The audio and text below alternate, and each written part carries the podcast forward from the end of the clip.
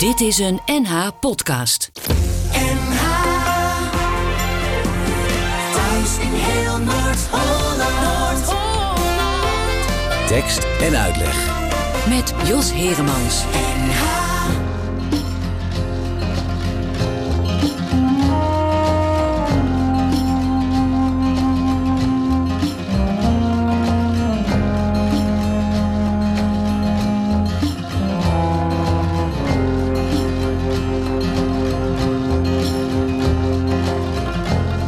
moest vluchten voor de oorlog. Vond een ander vaderland. Werkte dag en nacht om te vergeten.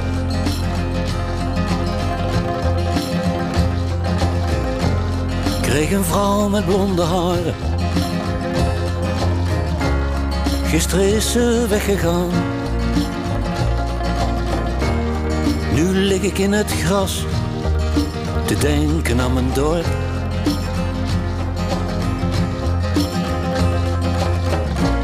Ze kon de bergen niet begrijpen. Het stille groeien uit de grond. Ze was meer iets dat wilde lijken op een of andere meid die in haar tijdschrift stond.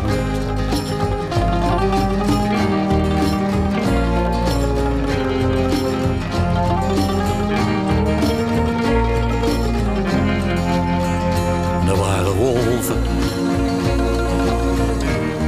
Je kon ze bij zonsopgang horen lachen in het woud. En vrouwen. Die als ze gingen zingen, veranderden in goud. En de zomer.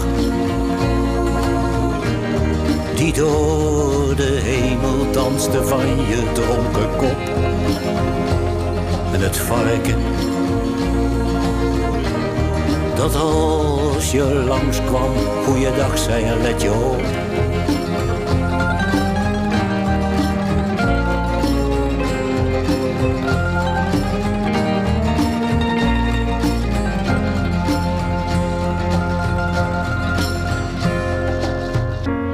Ik kan wel teruggaan naar mijn bergen naar het land zo mis. Maar ze zeggen dat ze daar allemaal zijn verdwenen. En dat mijn dorp er niet meer is.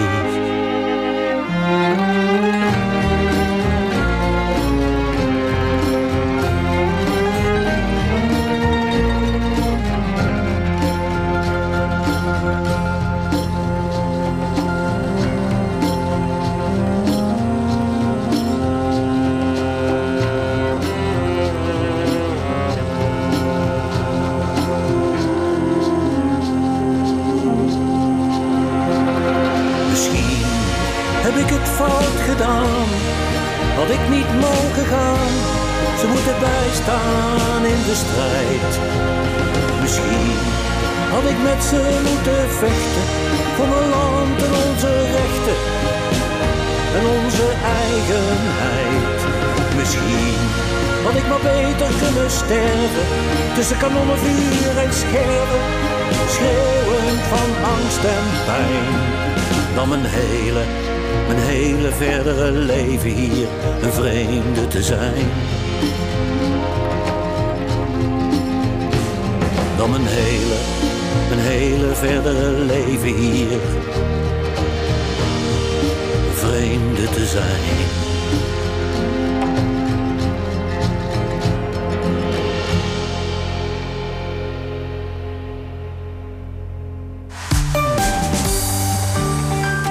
Goedemiddag, welkom eh, bij Tekst en Uitleg op eh, deze zaterdag namiddag.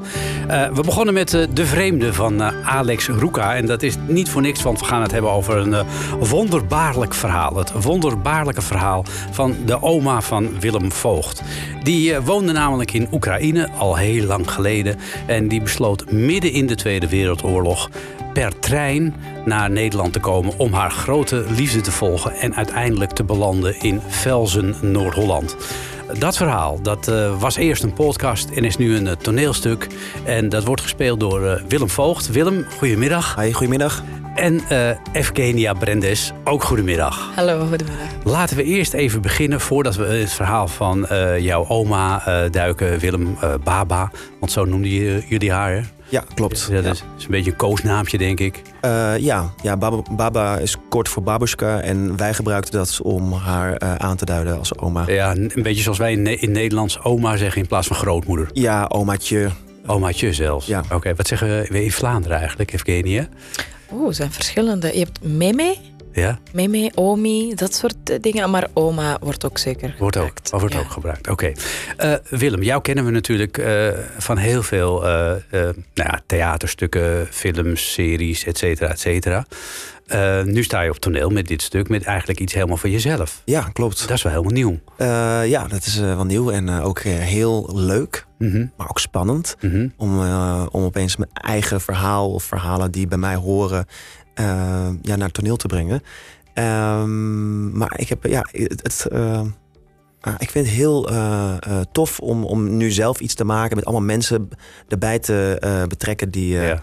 die zo gek zijn om ook met mij mee dit verhaal te vertellen over mijn Russische eh, oma. Want ik moet, je zei Oekraïne net. Ja, Ze komt uit eh, Odessa, ja, wat nu Oekraïne is. Maar Ja. toen zij geboren werd in 1922, ja. was het eh, Rusland en de Sovjet-Unie. Oh, jij was nog net Sovjet-Unie, vijf jaar pas, hè, ook? Nee, nee. Langer al? Nee. vijf, vijf dagen nadat zij geboren werd, werd de Sovjet-Unie gesticht. Oh, toen pas? Ja. Oh, ik dacht dat dat meteen na de revolutie Nee, was. daar hebben ze eerst nog over moeten overleggen. Oké. Maar als ik, als ik thuis bij mijn baba zei van... Hè, maar Odessa ligt toch in Oekraïne? Zijn we dan Hm. niet Oekraïners? Dan, nou, dan, nee, dan werd ik even streng toegesproken van... Oh. eh, nee, nee, nee, wij zijn Russen. Oké, dus jouw oma was een vol Rus. Jazeker. Voor, voor haar gevoel althans. Eh, ja, en gewoon ook hoe het was. Ja, Ook hoe het was.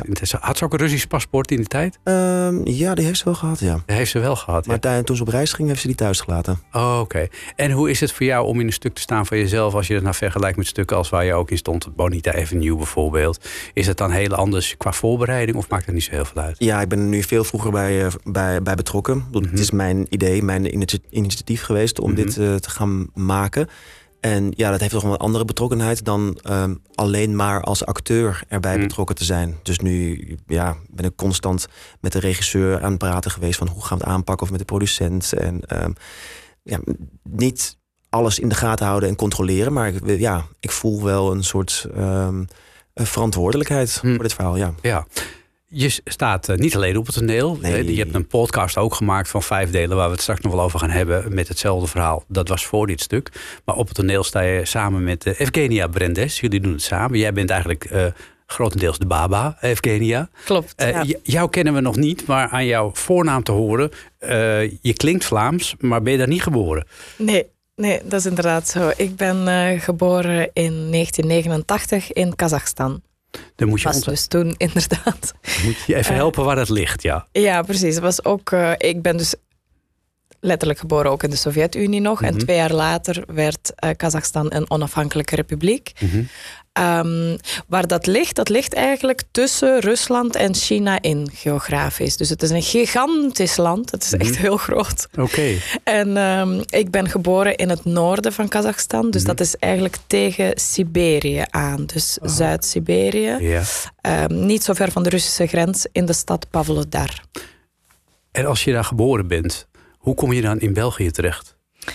Ehm, in het jaar 2000 ben ik samen met mijn ouders naar eh, België gekomen. Als eh, economische vluchteling zou je kunnen zeggen. Mhm. Eh, die keuze hebben mijn ouders natuurlijk voor mij gemaakt, want ik was toen 11, 12. Mhm. Ehm, ja, zij wilden een andere toekomst wagen in Europa samen met hun twee dochters. Ja, economische vluchteling. Betekent dat ook dat Kazachstan een arm land is waar weinig toekomstmogelijkheden zijn? Eh, nu zeker niet meer. Mhm. Eh, ik denk ook dat mijn ouders een heel ander land hebben verlaten dan het land waar ik nu als bezoeker, zeg maar, om mijn familie te bezoeken naartoe ga. Mhm. Maar de jaren 90 na de val van de Sovjet-Unie was heel moeilijk. Overal in de ex-Sovjet-Unie. En eh, daar eh, waar je, je, het geld was niets meer waard, ook al Mhm. had je dingen op je spaarrekening staan. Ehm, dat werd allemaal drie roebel van de ene dag op de andere. Ehm, en ehm, eh, iedereen, dus alle, alles waar je voor had gestudeerd of wat dan ook, dat gold allemaal niet meer. Mhm. Iedereen moest echt van nul beginnen en een eigen zaakje oprichten. En het was een moeilijke, harde tijd Mhm. waarin ook weinig verkrijgbaar was. En ja, zoals ik zei, mijn ouders. En daar kwam ook nog bij natuurlijk, Kazachstan is oorspronkelijk een moslim. ehm, land, dus er, er heerst een moslimreligie. En dat was in die jaren met twee jonge dochters voor Russische mensen, die dus daar natuurlijk, mijn grootouders zijn in de jaren 70 vanuit Rusland naar, de, naar Kazachstan gestuurd als ingenieurs. Oké, En ehm, ja, precies, dus ehm, dus dat ging niet vrijwillig. Nou, dat is wel. Ja, zij waren hoog opgeleid en ze zijn op zich wel. Ze waren blij met die kansen. Het waren ook wel mooie kansen voor hen om zich te ontplooien. eh, Voor mijn grootouders. Dus zij zijn niet gedwongen of. Er zullen zeker andere gevallen zijn geweest. eh, maar dat is bij mijn grootouders niet zo gegaan. Maar het is wel zo dat dat natuurlijk niet hun, eh, Een keuze was. eh, per se hun keuze was. Ja. Maar jij vertelde, het was lastig in een land waar de, de, de moslimgodsdienst heerste. De islam. Ehm, ja, dus eh, toen, na de val van de Sovjet-Unie is natuurlijk de oorspronkelijke bevolking logischerwijs ook eh, t- t- ja, terug hun eigen cultuur natuurlijk eh, be- beginnen terugvinden. En, en eh, daarin vind ik het ook heel mooi hoe Kazachstan nog steeds die twee culturen, Russisch en er zijn nog natuurlijk veel meer culturen en religies die daar samenwonen. En eigenlijk wonen ze daar heel vredig samen. Dat is ook heel mooi om te zien. Maar net na die val was, was, was natuurlijk alles op het, scherm van, op het scherp van de snee. Ja. Omdat iedereen natuurlijk van die afhankelijk af, eh, Ja. afhankelijkheid af wilde. ja. Ja. Je, je, je- ze kwamen juist heel erg op allemaal voor eh, wat ze jarenlang niet hadden mogen Ja, eh, leiden. Ja, zeker. Ja. En dat betekent dat jij geen moslima bent. In dit Nee, geval. Nee, ik ben geen moslim, maar ik ben ook niet zo religieus opgevoed. Ik ben wel gedoopt, eh, christelijk-orthodox. Mhm.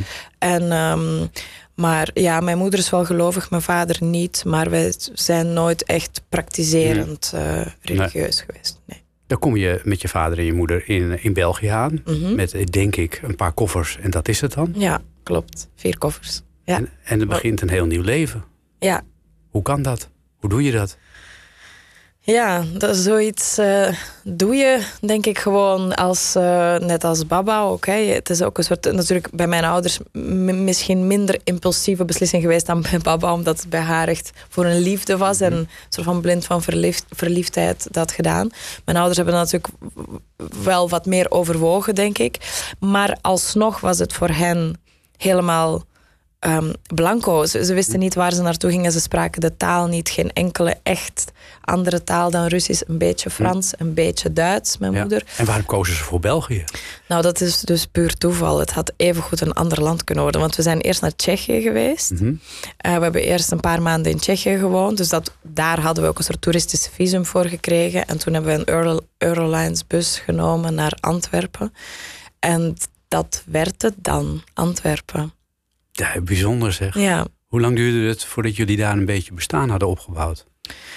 Nou, ik moet zeggen, mijn ouders zijn heel ondernemende types. Voornamelijk Mhm. mijn vader. En dat vind ik echt heel knap, ook achteraf, Ja. om te zien van hoe hij dat allemaal heeft gedaan. En hoe zij zi- hier echt wortel hebben geschoten, ondanks alle moeilijkheden. Want we hebben bijna... We hebben negen jaar zonder papieren geleefd, gewoond. Zo. Dus dat heeft invloed op alles wat je doet in je leven natuurlijk. Maar dat is van jou 11e, 12e, je 20e. Ja, tot mijn 19. Ja, Zo. ja. En toen werd je Belg pas. Toen nog niet eens. Ik werd pas Belg als ik volgens mij 23 was. Toen kreeg ik een verblijfsvergunning. Zo. Ja, dus vanaf dan mag je officieel werken en alles. Maar wat hebben jullie in die tussentijd dan gedaan? Moest je dan illegaal werken? Of Ja, onder andere mijn ouders dan. Ik ging natuurlijk naar school, Ja. dus dat is anders. Voor een kind gelden sowieso een beetje andere regels. Mhm. Ik moest ook niet mee naar al die procedures. Mijn ouders moesten natuurlijk naar het commissariaat om asiel aan te vragen. Zo dat moest ik als minder dan 18-jarige zeg maar niet doen. Ehm, dus dat ehm, is mij bespaard gebleven. Maar ja, zij hebben ehm, gewerkt, eh, Nederlands gestudeerd, eh, integratiecursussen gevolgd. Ehm, afval scheiden, cursussen. Ook dat soort dingen. Ja, je, Ja. ja, je moet in Eh, leven blijven, net ja. zolang tot je die papieren hebt, zeg Ja, maar. Daar komt het eigenlijk op neer. En er zijn ook genoeg regels en procedures die je kunt bevechten, weer aanvragen, waardoor Mm. je wel op een soort van grijs gebied je bevindt. Mhm. En waardoor je dus toch recht hebt om niet het land uitgezet te Mhm. worden. Dus daarin zijn heel veel mazen in het net. En daar ja, hebben mijn ouders gebruik van gemaakt. Klinkt opportunistisch of zo, maar het is ook gewoon hoe het gaat. Je probeert gewoon alles eruit te halen en op een bepaald moment is het gelukt. Ja, en nu ben je Belg. Nu ben ik Belg en woon ik in En Nederland. woon je in Nederland. en sta je samen met Willem Voogd op het toneel. Klopt. Ja. Waar kennen jullie elkaar eigenlijk van? Hoe is het zo gekomen dat eh Evgenia degene is die, waarvan jij dacht... Willem, die moet ik erbij hebben? Kennen elkaar helemaal niet. Eh, ja, ik, ik, ik, ik speelde met, eh, met het idee om deze voorstelling te gaan maken. Ja. En ehm, ja, toen, eh, toen ging- begon de zoektocht naar wie, de- wie moet er dan naast me staan. En eh, toen zei een eh, vriend, een andere acteur, eh, eh, een vriend van me zei... Heb je al aan Yevgenia gedacht? Zei ik, Wie is dat? wie? En uh, zei Yevgenia. En toen, eh, toen hebben we contact gelegd. En eh, dat klikte. We zijn op gesprek gegaan eh, met de Mhm. regisseur, eh Yevgenia en ik. En dat, dat ging goed, dat klikte. En ja, Yevgenia die ging aan van het, van het materiaal, van het verhaal. Mhm. Een paar, Doreen, de, de schrijver van, van, van dit script... had een paar scènes al geschreven, dus dat kon ik laten lezen. En ik had ook een podcast laten luisteren. En ehm, ja, wij waren ook heel gecharmeerd van Yevgenia. En toen... We zeggen dus Yevgenia in plaats van... Ev- Ik zeg het de hele tijd verkeerd. Dat geeft niet. Of iets, nou ja... het- Ik ben gewend heel veel verschillende opties van mijn naam te Oh ja? horen. U zegt het goed hoor. Nou, dus Yevgenia vind ik eigenlijk ook wel lekker. Klinkt ook Ja. wel lekker. Je zou er inderdaad een, een, een Y of zo voor moeten denken. of Oh, een J. zo ja. ja. ja. goed. Nou, dan weten we dat ook weer. ja. En toen, eh, ja, toen was de match. En toen eh, zijn we verder gaan, eh, gaan praten en ehm, de voorstelling ontwikkelen. En met, met de komst van Yevgenia ehm kon Doreen ook weer verder schrijven. En ehm, eh, met de kennis die dat het zij het ging, gaat spelen, ehm, kon ook een beetje het, het verhaal zelf van Yevgenia erin eh, in, in passen. Want dat, dat, dat komt op bepaalde plekken overeen met het verhaal van mijn eh, oma. En dat wat daardoor, naar mijn idee, is de voorstelling een stuk beter geworden. Ja. En was jij meteen geraakt toen je die podcast hoorde, Yevgenia? Ja, zeker. Ik vond, zoals Willem al zei, het interessant, eh, interessant materiaal. Het triggerde mij meteen. Eh, ik denk natuurlijk ook het feit... Er komen niet letterlijke dingen van mijn eh, geschiedenis of zo in voor in de voorstelling. Maar het geeft natuurlijk een andere lading dat Mhm. ik het speel met de achtergrond die ik heb. Mhm. En ik vind het zo mooi dat wij ehm, allemaal eigenlijk die betrokken zijn bij het project... een soort eigen invalshoek ten opzichte van dat materiaal hebben. En dat maakt het, denk ik, zo eh, ja, diepgaand of breed voor mijn gevoel. Omdat we er allemaal anders in staan en daarin elkaar aanvullen. Nou, dat is wel mooi, toch? Ja. je dat zo op die manier een voorstelling kunt maken... Waarbij het eigenlijk complementair wordt. Precies, ja. Ja. Eh, we gaan straks eh, duiken we in het leven van Baba. We gaan eerst even langs bij Stef Bos.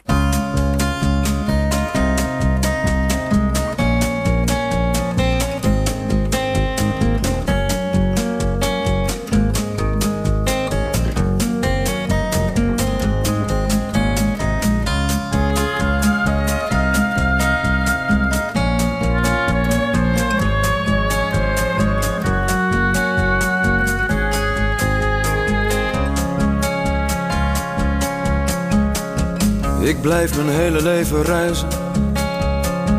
Ik volg de wegen van de twijfel. Ik zoek naar wat ik nooit zal vinden. Want ik wil dwars door de dood heen zingen. Ik wil proberen iets te maken. Ik wil niet breken, ik wil niet haten. Maar op zoek naar mooie woorden. Heb ik de liefde vaak verloren. Ik ben altijd onderweg. Ik ben altijd onderweg. Ik leef onrustig en onzeker. Tussen de liefde en de leegte. Ik ben altijd onderweg. Ik ben altijd onderweg. Ik leef onrustig en onzeker. Tussen de liefde en de leegte. Er is geen leven om te delen. En toch is heel mijn hart van jou. Maar laat me niet te veel beloven. Want ik blijf mijn dromen trouw. En ik wil nog zoveel woorden zingen. Het is een passionele drang. Ik wil alleen en alleen bij jou zijn. Maar ik vind nooit de balans. Dus ik blijf altijd onderweg. Ik blijf altijd onderweg. Ik reis onrustig en onzeker. Tussen de liefde en de leegte. Ik ben altijd onderweg. Ik blijf altijd onderweg. Ik reis onrustig en onzeker. Tussen de liefde en de leegte. Ik reis onrustig en onzeker. Tussen de liefde en de leegte. Onrustig en onzeker. De liefde en de leegte.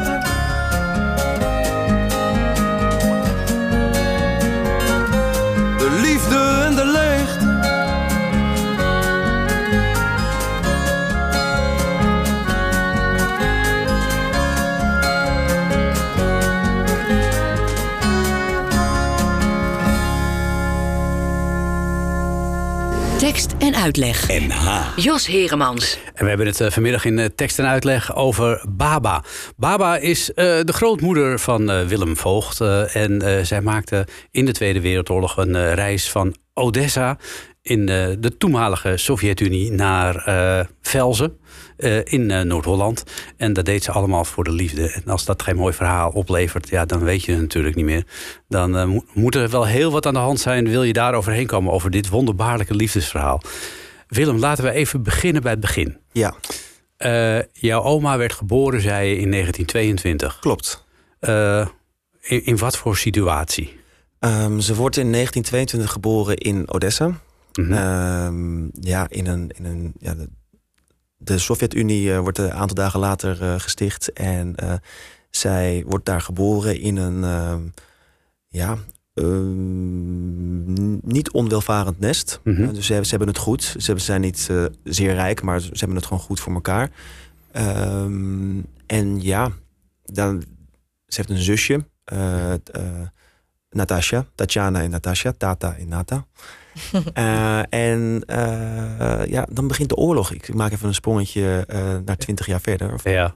Want zij doorloopt eigenlijk een hele normale schoolperiode. ja, niks aan de hand. Ze is tot dan toe nog een, eh, een zeer normale jo- jonge vrouw. En ehm, ja, dan begint de oorlog als zij 18 jaar oud is. Mhm. Uit niets wordt, zonder aankondiging, wordt Kiev gebombardeerd door de Duitsers. En ehm, ja, dan ehm, over, eh, overrompelen de Duitsers ook Odessa. En eh, die zijn dan eh, bezet gebied. Mhm. En dan ontmoet ze daar in Odessa een Nederlandse man, Pieter Boon uit, ehm Velzen. uit Velzen. Wat deed hij daar? Ja, wat deed hij daar? In de voorstelling gaan we daar niet echt heel erg op in wat hij daar deed. Ik heb het in een podcast wel uitgezocht. En Mhm. dan, dan kan je dat daar ook horen. Maar wat hij daar deed is... eh, toen de Russen Odessa ontvluchten, eh, hebben Ja. ze... ehm, het is een havenstad. En hebben ze allemaal schepen laten zinken... en eh, treinwagons in de haven laten zinken...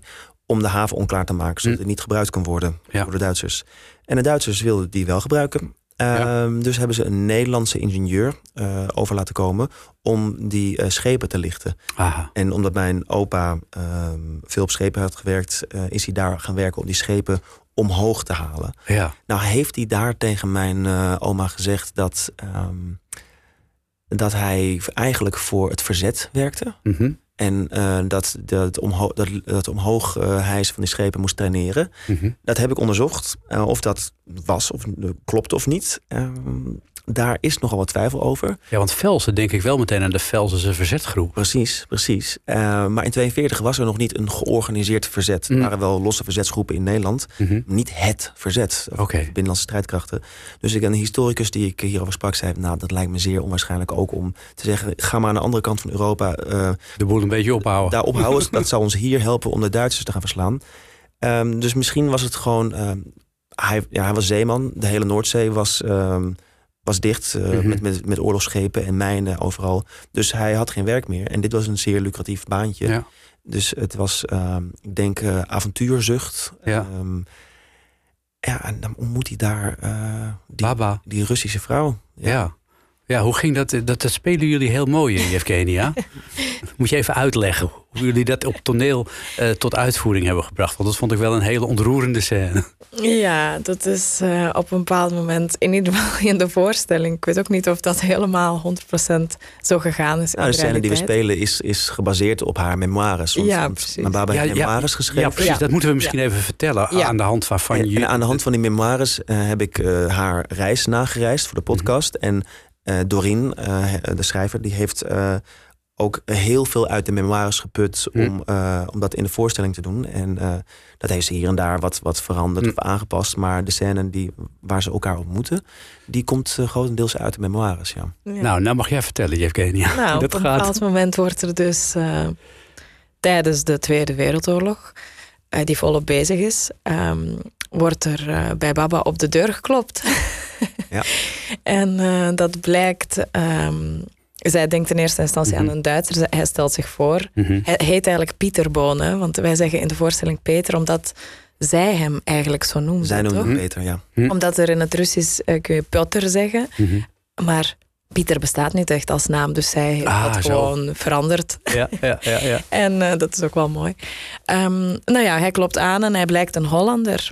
En ze laat hem binnen. En eh, het is, lijkt eh, liefde op het eerste Hm. gezicht. Ik denk dat het in onze voorstelling iets sneller gaat dan in Dat de wel, realiteit. In toneel moet alles sneller. Ja, precies. Maar hij verblijft daar een paar maanden, komt ook weer heen en weer, komt weer terug, komt om de zoveel tijd Mhm. regelmatig op bezoek.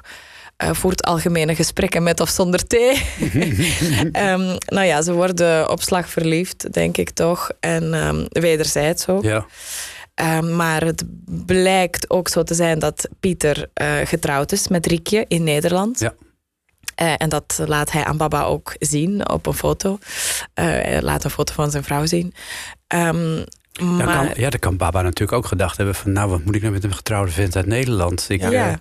ik, ik ga eens verder kijken. Ja, maar dat heeft ze dus niet gedaan. Want op een bepaald moment vertrekt hij weer en beginnen ze elkaar brieven te schrijven. En Hm. op bepaalde momenten komen dus ook brieven van Riekje eh, naar Baba toe. Waarin Ja, van die ex, van, van de, nee, nog niet de ex, Nee, maar de, de, de vrouw van, Precies. van Pieter. Ja, Peter. ja, ja van, van Peter slash Pieter. Ja. Ja, en ehm, waarin ze dus eigenlijk zegt: ik zal zo snel mogelijk eh, van mijn man scheiden. Ja, het is toch, dit is toch bizar? Ja, het is bedoel- heel bizar. Bedoel, Stel je toch voor dat, eh, dat je een brief krijgt eh, van, van, van, je- van, van de vrouw van iemand anders met Ja. wie je je leven verder. Zijn die brieven er eigenlijk nog? Zit ik me eens te bedenken. Eh, ja, die Dat- zijn er nog. Echt ja. waar? Ja, die heb ik gevonden in de opslag van mijn, eh, van mijn vader. Zo. Een, eh, een, een oude kartonnen doos met brieven, mama.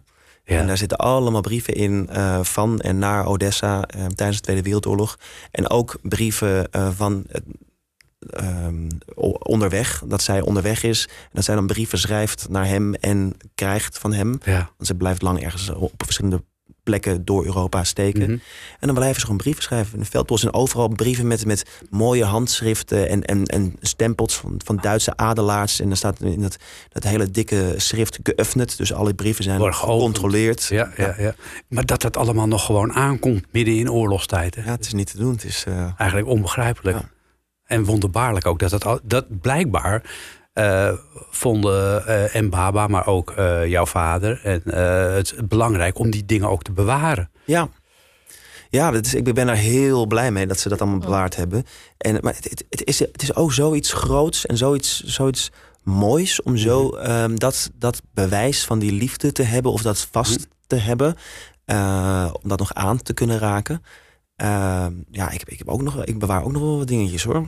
Eh, Ja, nou ja, ik vind dat tegenwoordig. Vroeger eh, stuurde je altijd kaartjes, weet je wel, naar elkaar toe. Als je op voor verjaardagen en van vakantie. Of gewoon eh, als je verliefd was op iemand. Eh, tegenwoordig gaat dat allemaal via de mail of via de app of eh, Ja. via TikTok.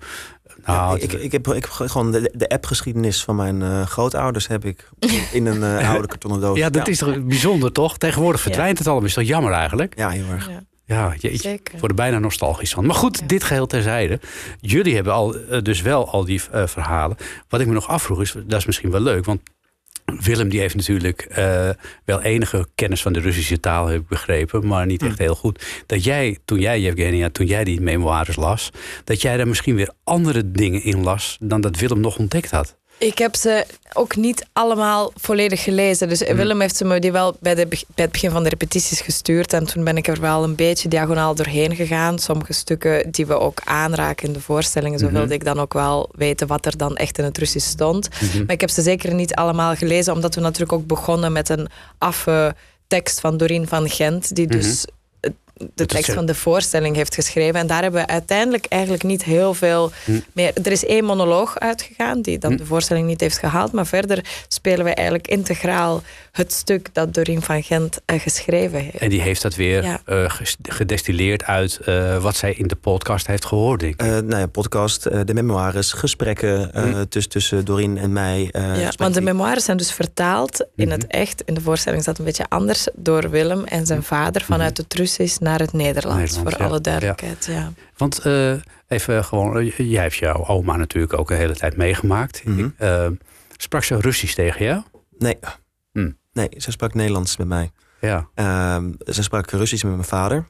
Ehm, maar met mij, ja, ik, als kind sprak ik de taal, de taal niet. Oké. Dus ehm, nee. Wat vond jouw vader eigenlijk van, het, eh, van, dit hele, van deze hele onderneming om daar een podcast en een toneelstuk van te maken? Nou, eh, wij vonden het erg confronterend en moeilijk, want hij heeft het er nooit met zijn eh, moeder over gehad. eh, over hoe ze hier gekomen is. Je meent het. En ja, en dus toen ik hem in eerste instantie in 2020 vroeg van hoe dat precies gegaan was, kon hij me daar niet een volledig antwoord op geven. Mhm. Toen ben ik erin gedoken en eh, heb die memoires gevonden in het Russisch. Ehm, Gevonden? nou ja, Daar loop je niet zomaar tegen. hij loopt niet zomaar tegenaan, maar ik wist, die, berging. die zijn ergens, maar die ook in de berging eh, eh, van stal gehaald en vertaald. En toen heb ik hem gevraagd om dat met mij te vertalen, want mijn Russisch is niet toereikend Mhm. om dat te doen. Ehm, en toen heeft hij dat gedaan met enige lichte tegenzin in eerste instantie. En, maar Mhm. na een tijdje vond hij het heel mooi. En toen hij klaar was met eh, het vertalen, heeft hij het bundeltje, dus zo'n 60 pagina's waar, we, waar wij toen in zijn gedoken, Mhm. aan mij gegeven. En hij zei: ehm, eh, Dit is mijn prenatale autobiografie.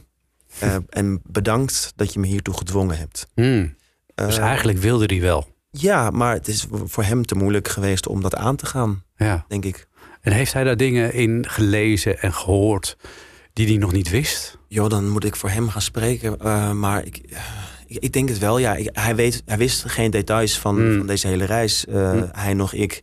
Dus ja, dat heeft hij allemaal ehm, eh, opnieuw naar boven gehaald. En het heeft hem nieuwe inzichten gegeven over zijn moeder. Mhm. Over zijn band met zijn moeder. eh, en mij ook, over mijn baba. Ja. Dus dat is een enorme verdieping geweest in onze relatie met haar. ja, dat kan ik me voorstellen. Heb jij, Yevgenia, o- er ooit aan gedacht om misschien het verhaal van jouw reis vanuit Kazachstan naar België ooit op papier te zetten? Ehm, dat is mm, ja, grotendeels, of nou ja, dat is niet helemaal. Het is voor een deel gebeurd al. Oh, Ik heb in een voorstelling Dunja B gespeeld. Eh, dat is geregisseerd en geschreven door Bart van Nuffelen van Marta Tentatief, een Vlaams eh, theatergezelschap. En dat is absoluut geen eh, autobiografische voorstelling voor mij, maar er zijn wel veel elementen uit mijn verhaal in Hm. verwerkt. ja. Dus voor mijn gevoel is dat verhaal daarmee wel een beetje verteld. Of ik heb op dit moment in mijn leven niet de behoefte om die reis helemaal. Maar dat kan natuurlijk altijd veranderen. Uiteindelijk schrijf jij ook je memoires, dat toch? zou kunnen. Ja, ik heb nu als toy een memoireboekje geschreven, dus Oh, ik kan er maar beter aan beginnen. Ja, dat zou ik zeker doen. Ja. Eh, we gaan even luisteren naar Herman van Veen. En dan gaan, duiken we straks eh, terug naar eh, Odessa. Want dan gaan we de reis van Baba beginnen.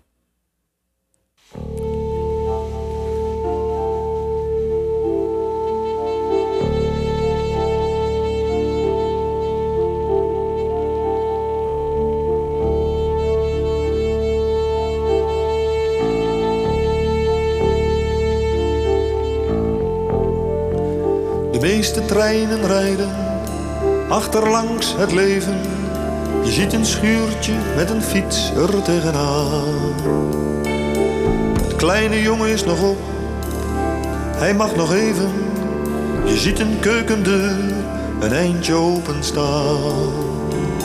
Als je maar niet door deze trein werd voortgedreven, zou je daar zonder meer naar binnen kunnen gaan. Zodra de schemer was gedaald, was je niet langer meer verdwaald.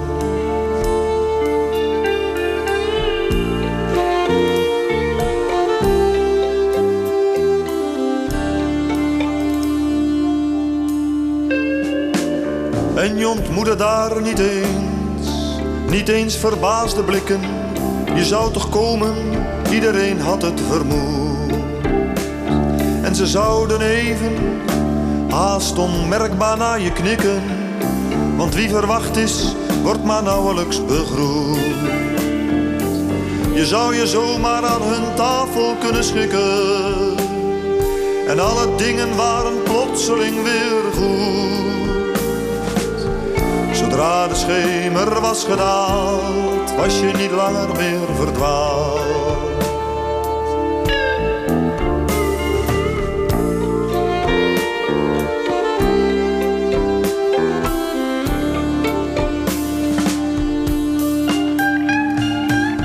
Daar geen druppel, geen druppel alcohol te drinken, want grenadine zou je smaken als cognac. Je zag het haardvuur achter Mika-ruitjes blinken. Er kwam een merel zitten zingen op het dak. En die paar mensen die je nooit hebt kunnen missen, kwamen daar binnen met een lach op hun gezicht.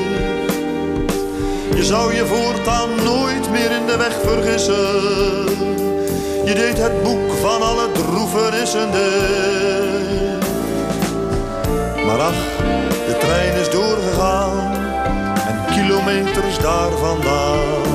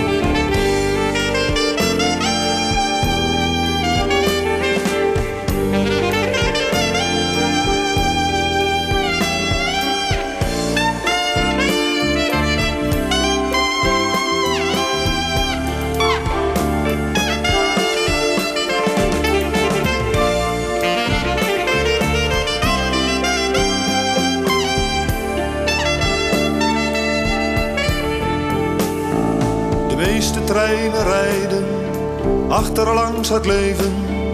Je ziet een schuurtje met een fiets er tegenaan.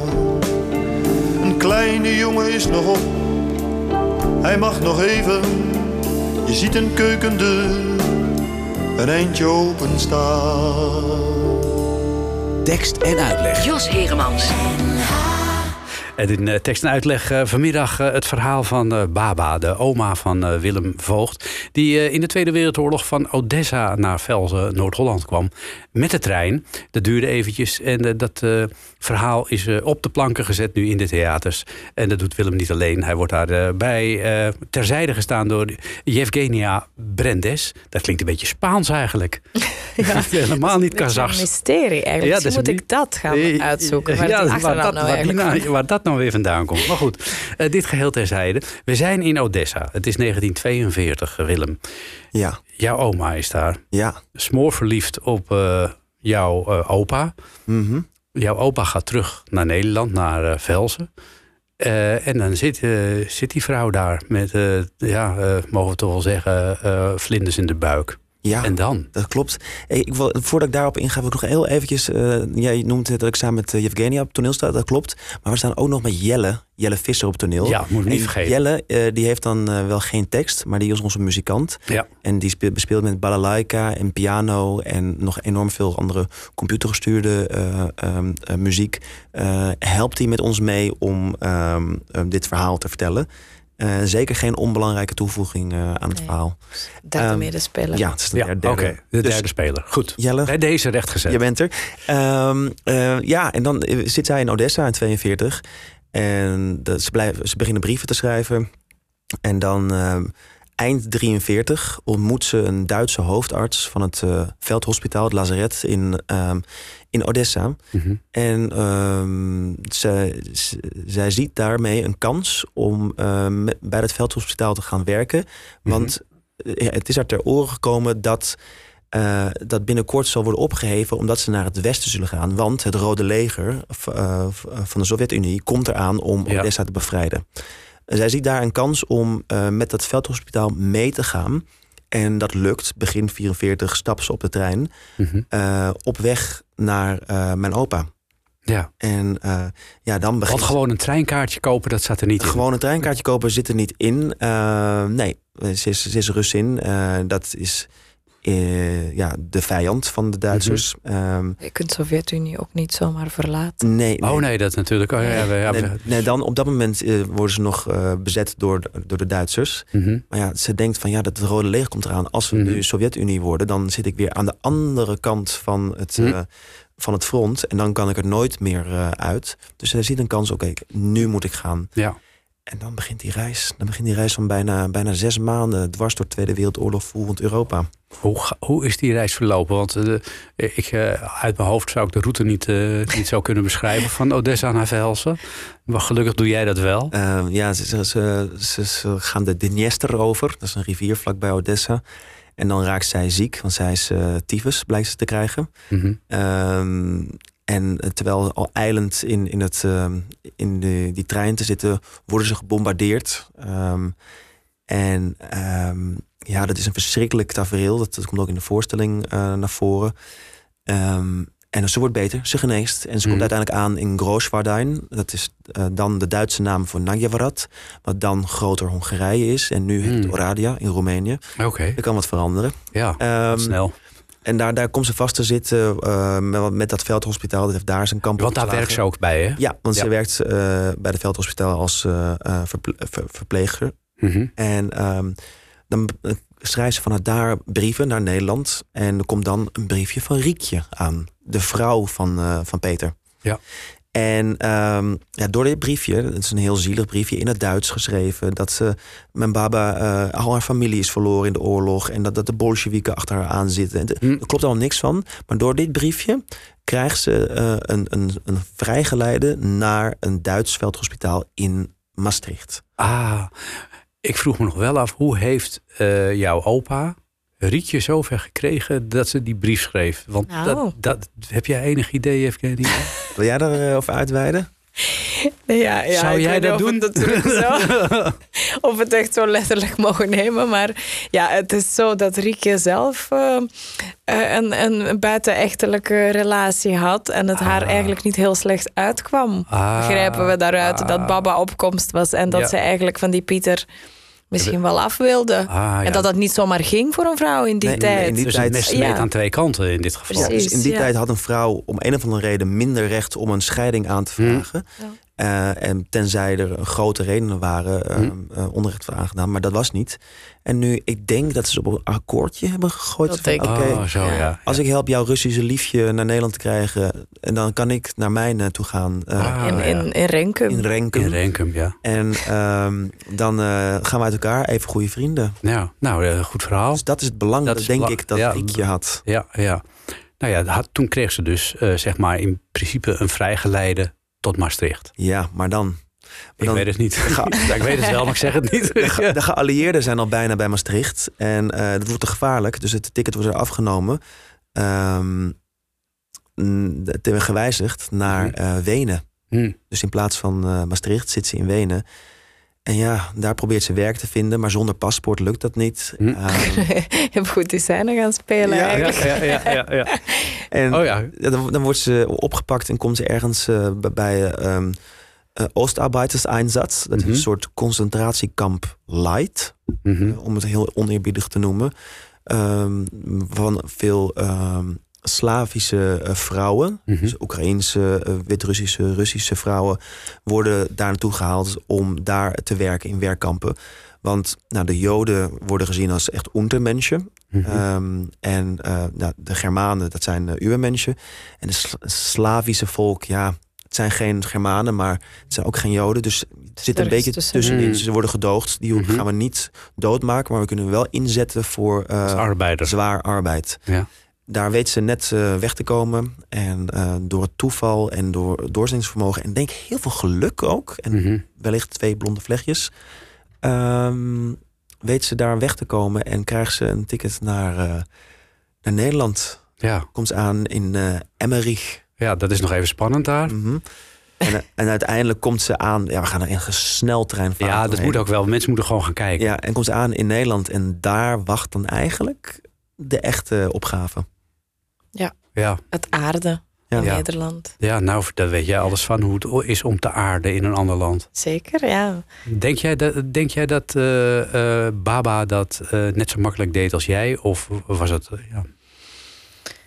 Ehm, Ze was we beginnen natuurlijk op een heel andere, ja, precies op een andere manier. Dus ze was en veel ouder. Dus als kind is het sowieso anders. Je wordt in die omgeving gedropt en je moet ook soort van gewoon overleven. Als je vrienden wil maken, sociaal wil zijn, dan Mhm. ja, zorg je er gewoon voor dat je zo snel mogelijk die taal onder de knie hebt. Of toch Ja. dat je je verstaanbaar kan maken. Eh, dus voor mij was dat een beetje de modus waar ik in zat. Ik denk als je als een veel bewuster, als een volwassen persoon voor de liefde komt. Mhm. Daarna er nog eens achter komt dat die liefde niet heel lang leven beschoren is. Dat is natuurlijk, en je kan niet meer terug. Dat is ook Mhm. niet onbelangrijk. Hè. Ze, ze kon niet meer terug naar de Sovjet-Unie. Ze werd als, gezien als een landverrader. Dus Aha. die weg was afgesneden. Ja. Ja, dus dat is natuurlijk ook heel tragisch. Dus je, hebt, je maakt een keuze en je zit daar. En ik denk dat zij wel een heel ander proces eh, heeft moeten doormaken daarin. Mhm. Ja, ik denk dat dat Ja. heel moeilijk is geweest. Ja. Ja, want even kort samengevat, het vervolg. Als hij eenmaal in Velzen is, Mhm. eh, trouwt ze met eh, jouw opa. Ja, Jouw vader wordt geboren. mijn vader wordt net na de bevrijding geboren. Ja.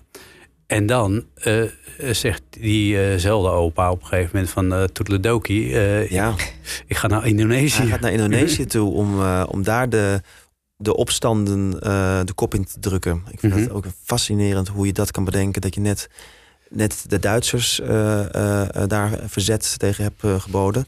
En dan naar Indonesië gaat om dat eh juist daar ja. bij anderen te doen. Mm. Ehm, maar hij vertrekt dus voor 2,5 jaar. En in 2,5 jaar kan veel gebeuren. Hm. Ehm, ze blijven brieven schrijven, wederom. Ehm, Maar die brieven worden warriger Die wa- en ja, en verwarrender en Ja. waziger. En na 2,5 jaar komt zijn bataljon terug, maar zonder Peter. Ja. En dan ga- komt er nog een soort koninklijk, koninklijke interventie... waar we nu verder niet, eh, ongelooflijk. niet, niet... we gaan we niet verklappen, dat moet, Nee. allemaal, moet hij maar in het stuk zien. Maar eh, dat zijn wonderbaarlijke eh, eh, wendingen in het verhaal Ja, we kunnen zeggen dat de relatie loopt op zijn eind. Ja. Dan moest het in de eentje zien te rooien Ja. in Nederland met een kind. Ja. Ja. En dat lukt ook. Dat lukt. Anders had jij hier niet gezeten. Dat, dat klopt. Ja, en eh, dat heeft ze echt heel, heel knap gedaan. Ja, dat kan ik me voorstellen. Mhm. Eh, we naderen een beetje het eind van, van dit eh, eerste uur van tekst en uitleg. Daar hebben jullie ook op een hele mooie manier, eventjes nog even eh, onderzoeken, eh, erin verweven dat jullie eigenlijk zelf ook een beetje eh, eh, een soort eh, aan-uitrelatie hebben gehad in, in- tijdens eh, de, de Toneelschool. toneelschool. Dat is leuk bijverzonnen. Ja, Wie zal het zeggen? Ja, kijk. nou goed, dan komen we steek verder mee, dames en heren. Ja, we hebben straks nog een afspraak bij RTL Boulevard. Dan gaan we nog proberen we hier, probeer ik hier een liefdesrelatie te ontwarren. Komt er niks van terecht. Nou, maar jullie zijn in het eerste uur al dat jullie elkaar pas op latere, latere wijze hebben benaderd. Dus ik neem aan dat het allemaal heel dik eh, bijverzonnen is. In stuk eh, berust alles voor zo goed, voor zover ik kan onderzoeken, op de waarheid. Of hebben jullie er echt dingen moeten bij bedenken ook? Ehm, ik denk, het is, het is een zeer persoonlijke voorstelling met een, met een persoonlijk verhaal. En eh, ik hamer een voorstelling er ook op dat ik graag wil dat het precies vertellen zoals het is gebeurd. Mhm. En eh, ik denk dat zo'n eh, 90, 95 pro- eh, procent van de voorstelling helemaal is zoals je het Mm. te horen krijgt. En er zijn een paar dingen net veranderd om het verhaal iets beter en mooier te kunnen vertellen. En dit uh, prachtig mooie verhaal kun je dus zien in de theaters. Onder andere moet ik even gaan kijken welke uh, voorstellingen er zijn te bewonderen in Noord-Holland. Uh, op 23 november in de stad Schouwburg in Velzen. Ja, nou, dat heel is bijzonder. Heel bijzonder natuurlijk, want daar speelt het verhaal zich voor een groot deel af. De 28e in, in Horen. En verder kun je bijvoorbeeld nog 1 december naar Amstelveen. We kunnen nog naar Heer Hugo Waard. Dat is op 21 december. En dan heb ik ze in Noord-Holland wel eens een beetje... Ja, daar hebben we ook nog Slakerij. 8 december in Oost, Oostzaan. Oostzaan, ja. En uh, 15 december in Bussum. In, in Bussum, oh nee. En anders moet je maar kijken op de site van uh, cobratheater.nl. Want dat is uh, jullie producent, om het zo maar Ja. te zeggen. En als je googelt op uh, Baba en Cobra met een K, dan, dan vind je ook al die data ongetwijfeld. Ik heb zo het vermoeden, Willem, dat er nog wel een vervolg aan zit te komen. Ja, wellicht ja. Dat, dat mijn opa naar het Nederlands-Indië vertrok. Mhm. Mm -hmm. Dat wekt ook heel erg mijn interesse. En dat wil ik dan misschien gaan koppelen aan de vrijheidsstrijd van Indonesië. Uh, dus uh, mijn vader is al begonnen met de brieven die mijn uh, opa heeft geschreven naar mijn baba om die uh, te digitaliseren. En uh, wie weet komt daar een mooie nieuwe podcast en voorstelling uit. We gaan het allemaal rustig afwachten. Ik vond het nu in ieder geval heel erg leuk dat jullie er waren. En jullie hebben er echt iets heel moois van gemaakt. Dus ik zou zeggen tegen iedereen, ga kijken. Dankjewel. Ja, bedankt. Dankjewel.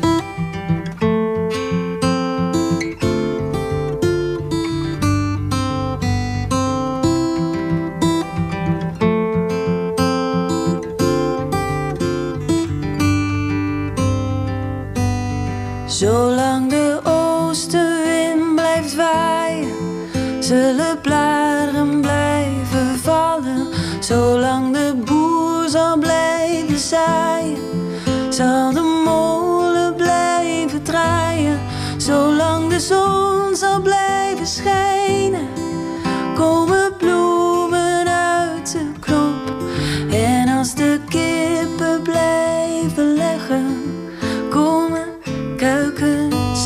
uit het